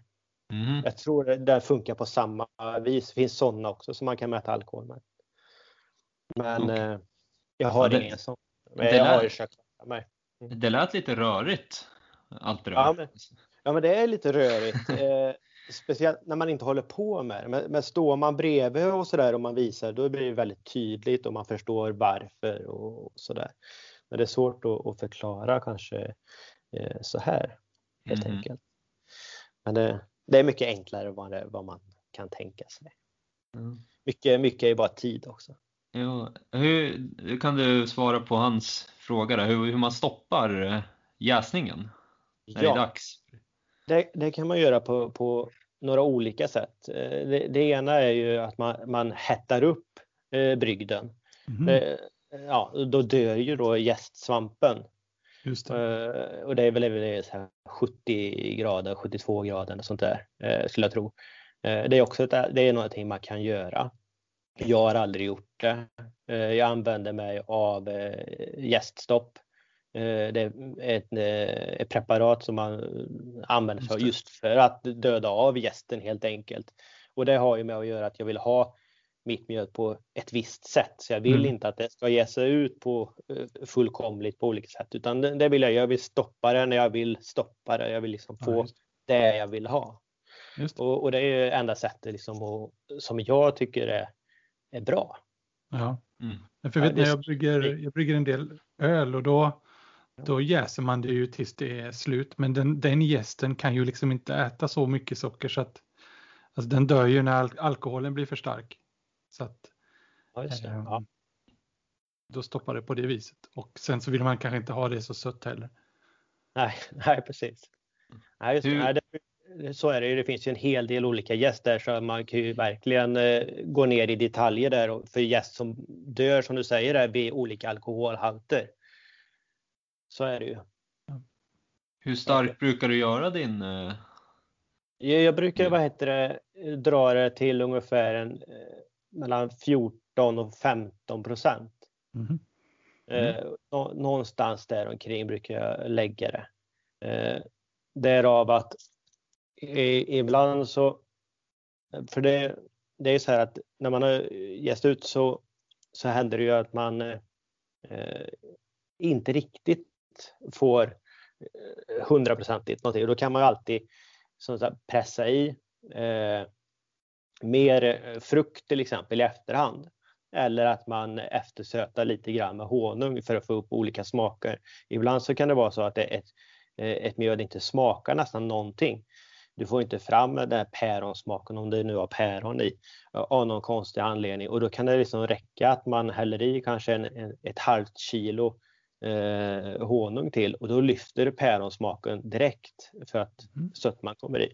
Så att det finns lite så här små tricks man kan göra och då kan det vara bra om man har någon procent extra ifall att man behöver tillföra då, eh, lite fruktsaft eller eh, mer honung i, i efterhand.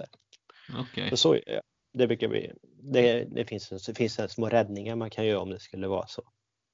Hur lång tid tar det att jäsa färdigt mjöd? Eller jäsa det färdigt helt enkelt?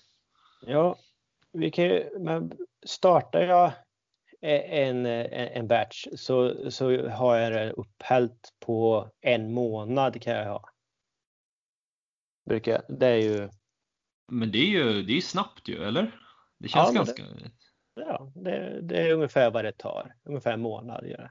Mm, okay. Ja, ju då, själva proceduren det, tar ju en dag att göra i ordning. Man ska hålla på och hacka all frukt eller vad det nu är. Det, ofta så kokar man ju kanske alla äpplen och sådär för man kan ju få med naturlig gäst som kan hålla på och, och kampa emot den gäst som du väljer att ha i din brygd. Och det är ju inte så bra för då kan de ju mer eller mindre ta koll på varann eller man får en jättedålig jäsning. Det händer mm. ingenting mm. i princip.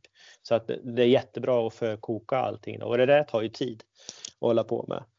Så det tar, tar ju en dag att förbereda alltihopa och sen så, så är det ju mer eller mindre, mindre att vänta. Det kan ju vara mellan två och tre veckor jäsningsprocess ungefär.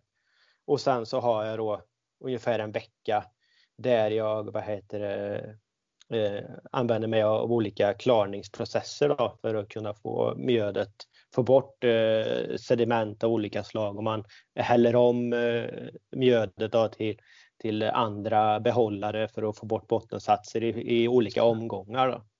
Mm. Och det där kanske tar en, en, eh, ett par dagar också. Då. Så att så ungefär en månad så, så har, har man ungefär en eh, kanske en 20, 20 22-23 liter ungefär av en 30 liters sats.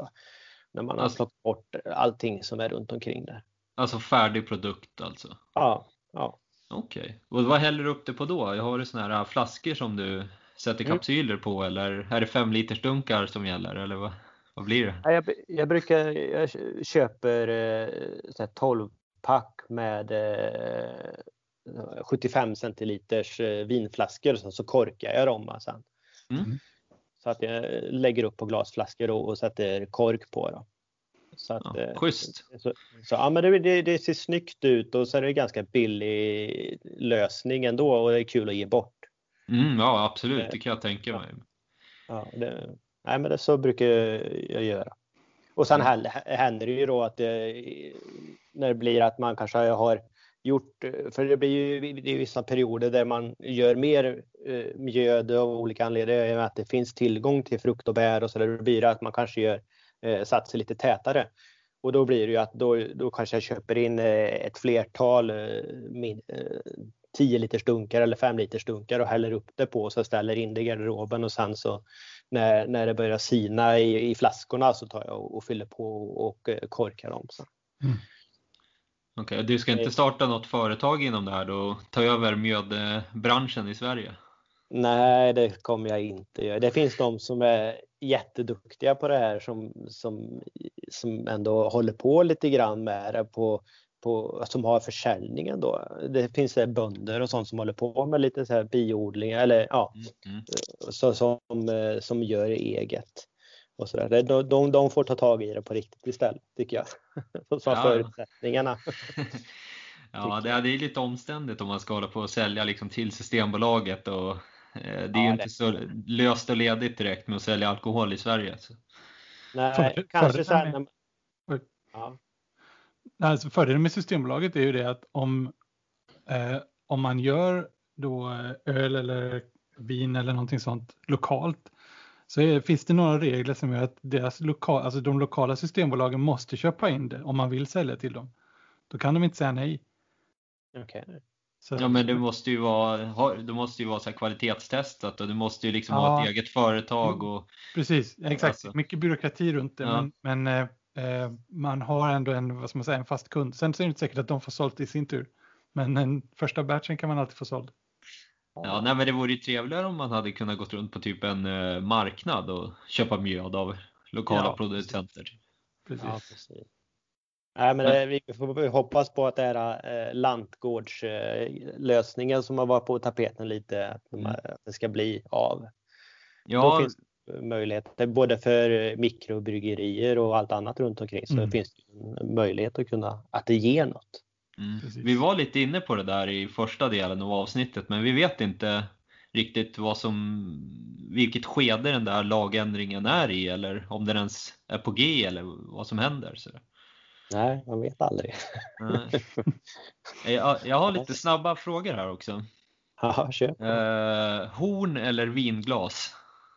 Eh, beror på tillfälle. Jag trodde du skulle ge, göra ett rungande horn där, men... nej, nej, nej, nej. Var sak har sin. Vet du. Nej, är det noga det där ibland. Ja, ja men det är samma här. Det är ju sällan jag dricker ur mitt horn. Det är ju, ja, det är ju vad man ska liksom, det ska vara något speciellt. Man är kanske utomhus eller något, då kan man ha med sig hornet. Nej, där är jag nästan tvärtom. Det är, det är mer ofta horn då. Jag, så är det nog kanske, men men eh, som sagt, det är tillfället som avgör eh, dryckesglaset så att säga. Okej.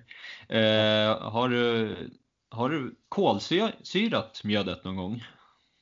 Eh, nej, det har jag inte gjort. Men däremot så, så finns det ju möjlighet att man eh, låter eh, om man jäser ut det på så, så, så det, det, som blir, det blir kolsyra av eh, själva jäsningsprocessen. Så, så där kan man faktiskt trixa lite grann om man vill ha kvar kolsyra. Men däremot så finns det då risker med det att det är svårt att få det att klarna om man fortfarande har mm. kolsyra kvar. Och sen så finns det ju en annan risk då det är att, eh, att jäsningsprocessen kan liksom kicka igång lite grann och då kan du ju få eh, fyrverkerier i, i, i skåpen liksom från flaskorna. Eh, men nej, men jag, har, jag har aldrig kolsyrade så. Det finns ju sådana här tabletter som man kan kasta ner som är doserat för halvliters eller liters flaskor och sådär. Men det har jag aldrig använt någon gång.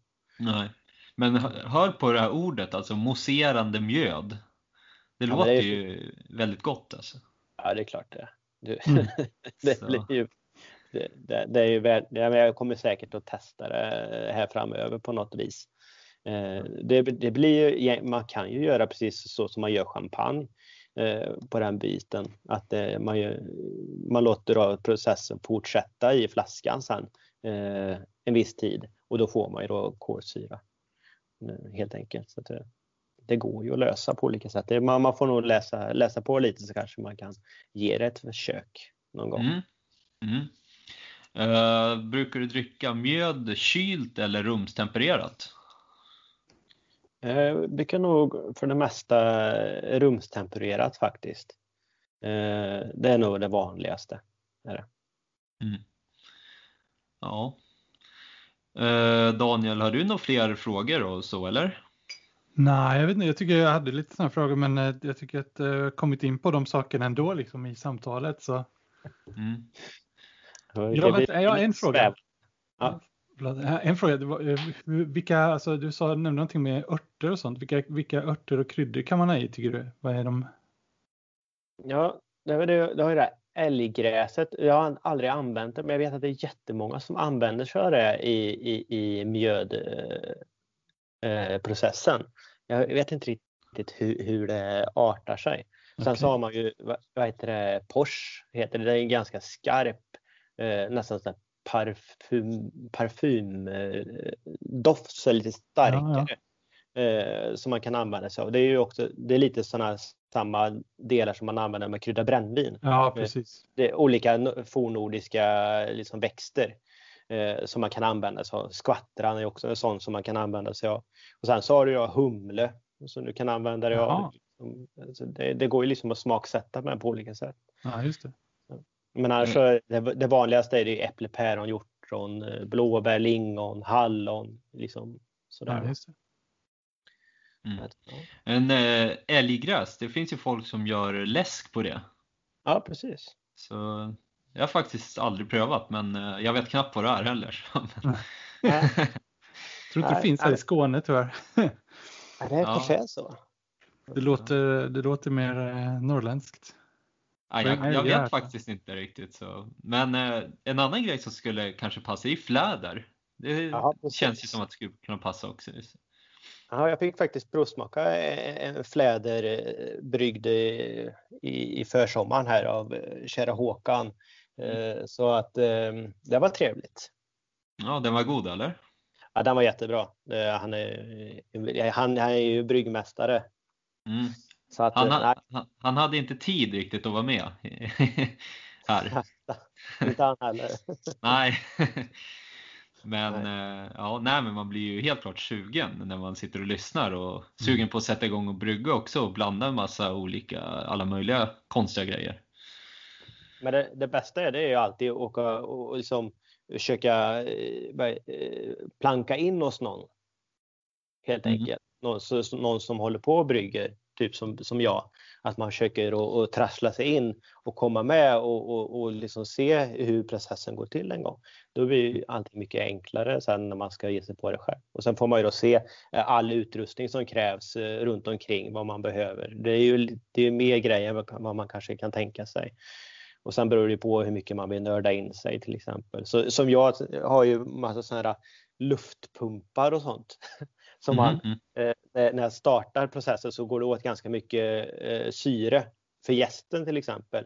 Så då har jag eh, kompressor eh, matade små historier som pumpar in luft i, i, i, i satsen då för att ge mycket syre till gästen för att den ska komma igång ordentligt och då blir, de blir mycket gladare och mår bättre. Så, så att det, det, finns jättemycket runt omkring lullull som man kan skaffa sig med tiden.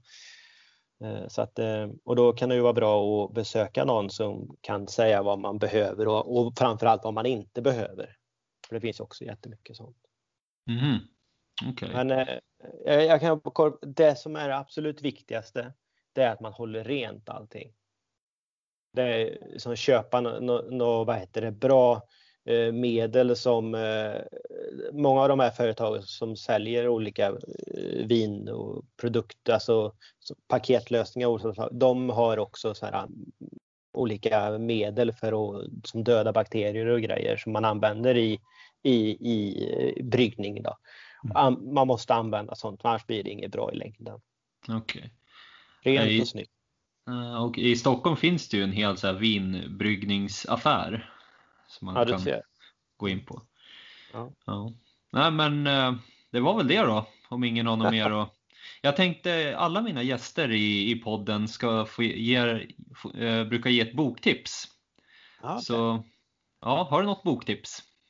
Ja, jag, har ju, jag är, är ju ingen läsare, så jag, jag, läser extremt lite. Men är det någonting jag, jag, jag fastnar för lite grann, det är ju Nordiska gudar av Johan Egerkrans. Mm. Jag vet inte om det kanske är någon annan som har rekommenderat den någon gång, men det är ju en oerhört lättläst bok och eh, väldigt bra gjord. Ja, nej, men Eh. jag har den boken också. Ja, jättetrevlig bok och, det, och den knyter ju då an till våra nordiska gudar och, och hela den biten och, och väldigt fint eh, illustrerat med eh, teckningar som han har gjort själv och sådär som är imponerande, bra tolkningar. Så att den Mm. är, den är värd att eh, läsa. Det är ju lite av en så coffee table book. Det är ju den sån som kan Mm. ligga framme typ. Det är ju det. Nej, den är jättefin. Mm. Ja, Den kommer ju jag få läsa till mina barn när de blir lite större. Den är, passar ju för det. Ja, absolut, det är det den gör. Den är liksom väldigt lättläst och rolig och trevlig. Och liksom, som du säger, bara sitta och bläddra i köksbordet tillsammans med, med, med nära och kära och visa lite och som pratämne till. Mm. Jättebra. Känner, känner du till Valhall-sagan, den här tecknade eh, typ serietidningen? Nej, jag, har inte, jag känner till den, men eh, inget mer än så. Nej, det, han heter väl eh, Mads, det är ju en dans, jag kommer inte ihåg just nu vad han heter. Men eh, det, det är ett gäng seriealbum och alla de här har släppts i samlingar, så det finns fem stycken samlingar. Och då går de igenom alla gudasagorna och sen liksom hur de Eh, alltså för, för först är det ju liksom serien, i gudasagen i serieform liksom.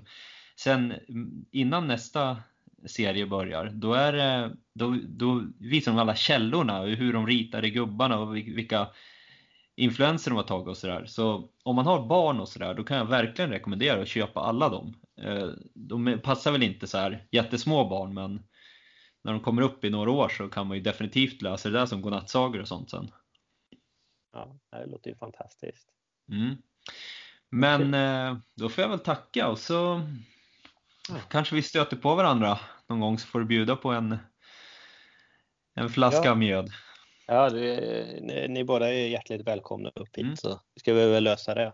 Ja, ja men tack så mycket då. Ha det bra. Tack Hej hej. Tack själv. Tack själv.